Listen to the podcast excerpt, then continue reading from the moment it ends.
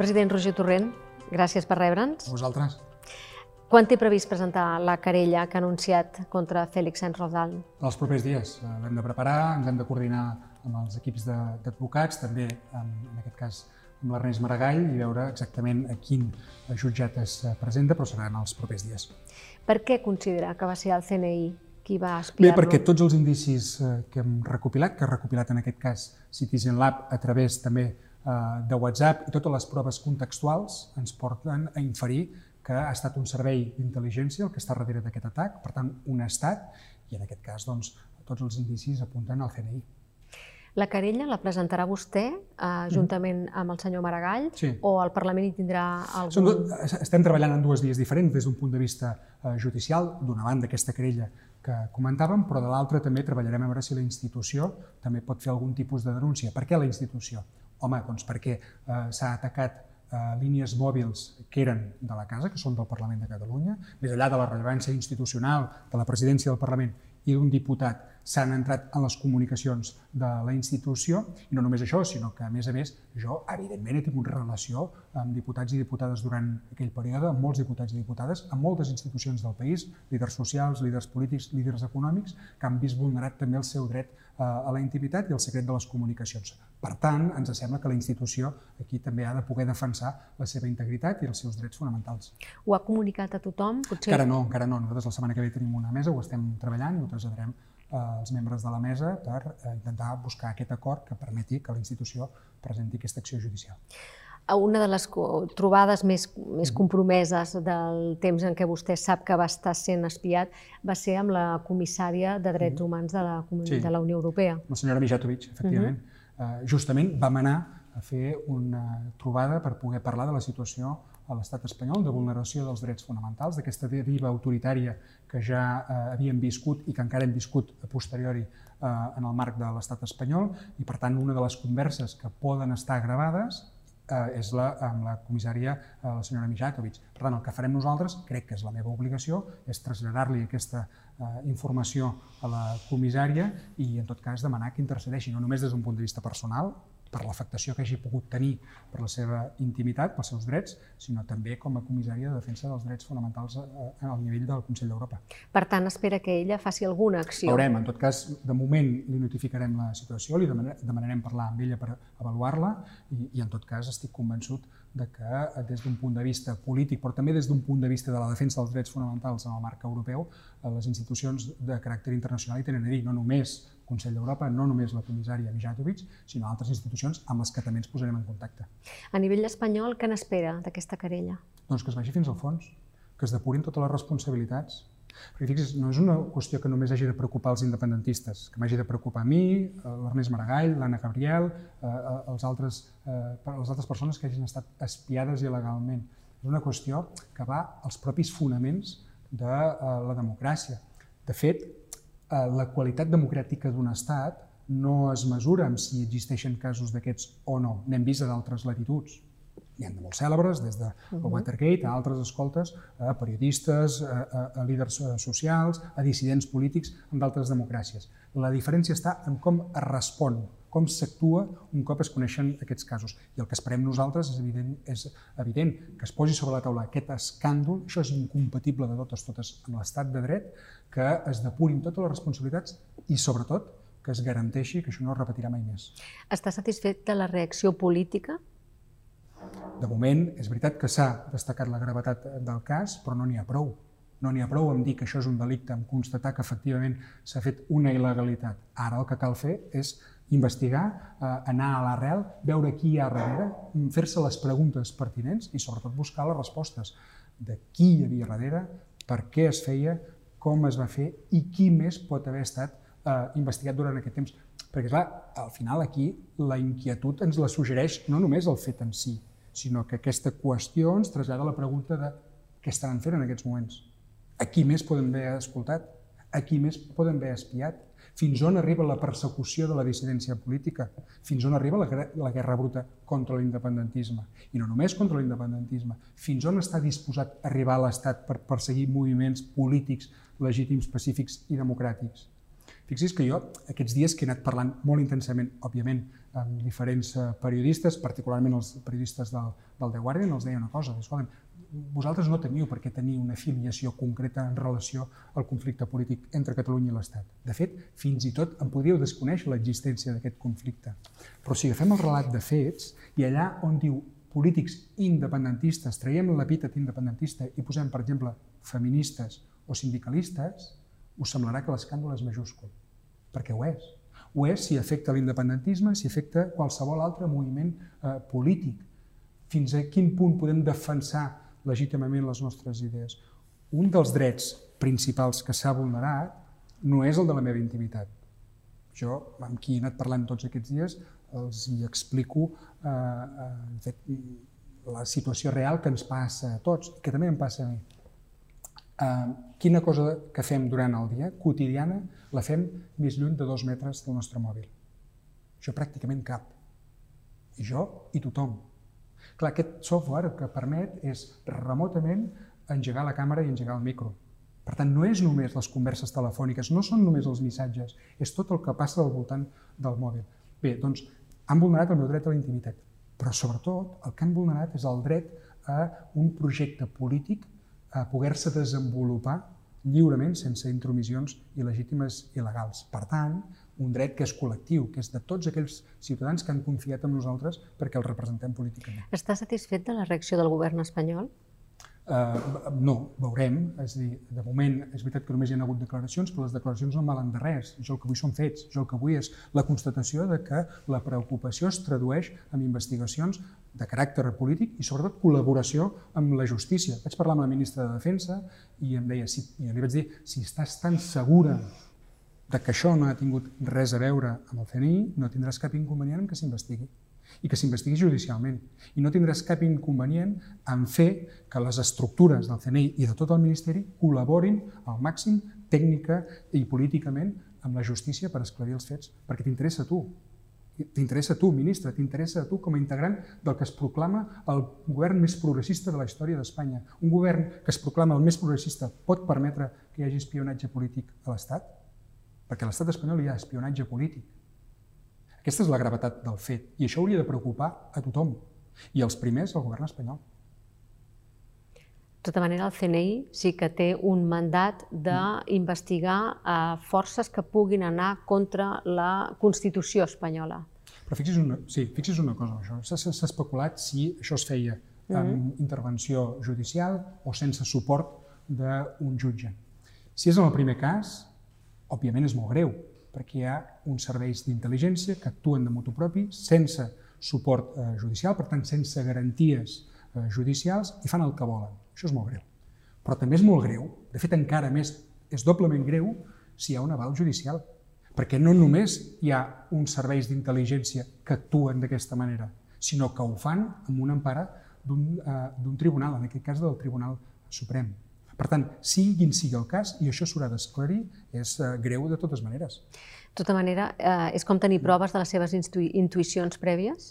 Sí, home, tots intuïem no? que, que hi havia guerra bruta. De fet, la guerra bruta no ha començat ara contra l'independentisme.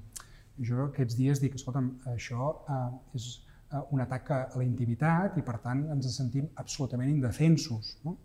N'hem parlat amb l'Ernest eh, Maragall i coincidíem amb, amb, totes les sensacions no? i tots els sentiments que ens generen una situació d'aquestes característiques. I és una gran indefensió, no només per un mateix, per les famílies, per exemple, pel nostre entorn més immediat. Però més, però més enllà d'això, ja sabíem que hi havia aquesta guerra bruta. I de fet l'espionatge, que és molt dur, no és el més greu. Recordem que hi ha gent a la presó, que tenim el líder d'Esquerra Republicana, en el meu cas, l'Oriol Junqueras i la Marta Rovira, una a la presó, l'altra a l'exili, que tenim represaliats polítics, que en aquests moments, per exemple, eh, en Josep Maria Jové està seguint amb una mesa de negociació política davant d'un govern que el dia en el qual s'hi reunia, el primer dia que reunien, el Tribunal de Cuentas li estava demanant dos milions i li estaven embargant la vida. Per tant, ja sabíem que hi havia aquesta, aquesta guerra bruta. Ara el que tenim són proves. Ara el que tenim és una constatació evident i fafaent de que s'han comès aquestes il·legalitats i de que l'estat espanyol es persegueix a polítics de manera il·legal, que hi ha espionatge. Ara en tenim les proves i no certificades eh, perquè ho diguem nosaltres, no perquè ho digui fins i tot un mitjà de comunicació de Catalunya. Ho diuen mitjans internacionals basats en les evidències que ens aporta Citizen Lab, que és una entitat molt acreditada a nivell global que treballa juntament amb WhatsApp per detectar casos com aquests, atacs globals com aquests que han afectat a 130, 140 eh, persones a tot el món de manera injustificada. Vol dir líders socials, líders polítics, líders eh, en defensa de les llibertats fonamentals, els quals ens han escoltat, ens han eh, d'alguna manera monitoritzat la vida. Avui la vida la tenim a l'smartphone, doncs saben exactament mm. què és el que fèiem en cada moment. És una llista eh, bastant particular. Mm. Vostè creu que això és la punta de l'iceberg, que hi deu sí, haver moltes sí, altres llistes? Sí. Sí, de fet, eh, hi ha 100 certificats, entre 130 i 140 mòbils, als quals s'ha intervingut sense justificació, perquè permetin fer una prèvia, diguéssim. Uh, aquest és un software, Pegasus, que ven una empresa de matriu israeliana que es diu uh -huh. NSO Group, que la ven només a estats, només a governs, per una determinada uh, uh, acció, una determinada, un determinat objectiu, que és que siguin utilitzats en processos contra um, gran narcotràfic a escala global, contra activitat terrorista, etc., contra accions delictives. No? Uh, però en aquest cas, eh, s'ha fet servir per espiar a gent que no estaven investigats per cap causa eh, eh, penal, que no cometíem, que no hem comès mai delictes i que se'ns ha escoltat per saber què pensem. Fa molts anys que periodistes i polítics prenen eh, algunes precaucions o mm. saben que han d'anar amb compte amb els, seus, amb els seus mòbils. Els sorprèn que sigui una investigació d'un tema tan... o sigui, que mm. sigui tan recent?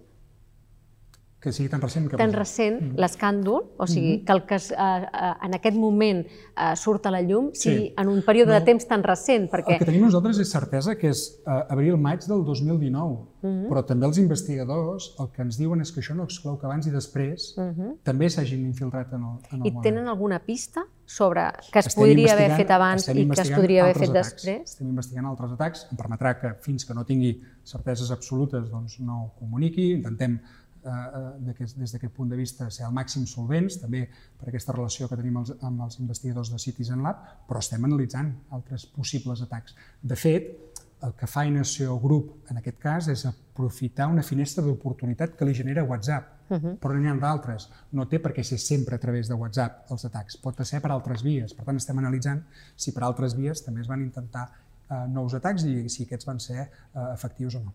L'objectiu de la querella és arribar a la justícia internacional? Sí. Bé, és un, és un, un objectiu. L'objectiu de la querella és que s'esclareixin els fets i que hi hagin responsabilitats penals d'aquells que van decidir eh, fer aquestes pràctiques eh, eh, fraudulentes. Nosaltres l'hem dirigit contra el que era director del CNI en aquell moment, eh, però sense excloure, evidentment, que si en el marc de la investigació apareixen altres noms implicats doncs, també es vagi ampliant la querella. En qualsevol cas, nosaltres el que volem és esclarir i és, sobretot, garantir que això no es torni a produir mai més. Insisteixo en això, eh? la resposta democràtica és la que es veurà a partir d'ara. Si la democràcia espanyola vol passar la prova del nou, si el règim del 78 vol demostrar que efectivament eh, és una democràcia acreditable al nostre entorn, ara té una oportunitat d'or, no només amb, amb, amb el cas de l'espionatge, eh? podríem parlar també d'altres qüestions molt greus que estan sobre la taula i que no podem normalitzar eh, de cap manera, com la corrupció la monarquia. En tot cas, el que és evident és que en una democràcia és incompatible activitats d'aquest tipus. La resposta democràtica passa per una comissió parlamentària al Parlament, és pel Congrés? Les, és una de les vies, sí, sí. Nosaltres el que hem plantejat és una bateria d'accions n'hi ha de judicials, n'hi hem parlat, hi ha d'altres de caràcter polític que s'han de fer al Congrés dels Diputats, òbviament, perquè és on es fiscalitza el govern de l'Estat, però també el Parlament de Catalunya i el Parlament Europeu, on també s'ha començat a treballar. Ha parlat amb el president Sánchez, amb el seu principal soci de govern, sobre el tema? No encara, no encara. Nosaltres hem parlat amb la ministra Robles, que és la responsable del, del CNI, però en tot cas, evidentment, nosaltres parlarem amb totes les instàncies que facin falta per garantir que això no es torni a produir. S'hi posarà en contacte? Sí. Què n'espera? Que col·labori el màxim possible amb la investigació. Perquè no pot fer una altra cosa. No pot intentar fer veure que no ha passat res o mirar cap a un altre costat. Insisteixo, és dir, nosaltres el que, a, a, el que estem dient és que això hauria de preocupar el conjunt dels demòcrates espanyols, no només els independentistes, que ja intuïem que això passava, que no vol dir que ho normalitzem, però que ja ho intuïem, sinó el conjunt de la ciutadania espanyola. I ara tenim la prova del nou. Veurem si aquest govern és capaç, aquest govern espanyol, és capaç d'anar fins, a, fins al fons. De fet, avui el que es posa en evidència és que l'única manera d'assegurar radicalitat democràtica i regeneració de les institucions és superant el règim del 78, que vol dir amb una república, que vol dir amb la independència de Catalunya. Perquè ja veiem quines són les forces que es resisteixen a canviar, les forces que eh, volen preservar l'estatus quo, que volen fer tallafocs i fer veure que no passa res, justament per preservar eh, les institucions.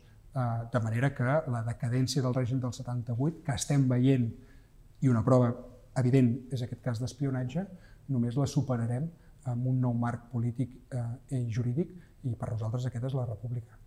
President, quan creu que seran les eleccions a Catalunya? Doncs no ho sé, això correspon al president del, de la Generalitat, eh, en tot cas... En quin escenari treballa vostè? Eh, nosaltres treballem amb que de moment la setmana que ve hi ha un ple al Parlament de Catalunya, acabarà el període de sessions i, i planificarem el proper període de sessions.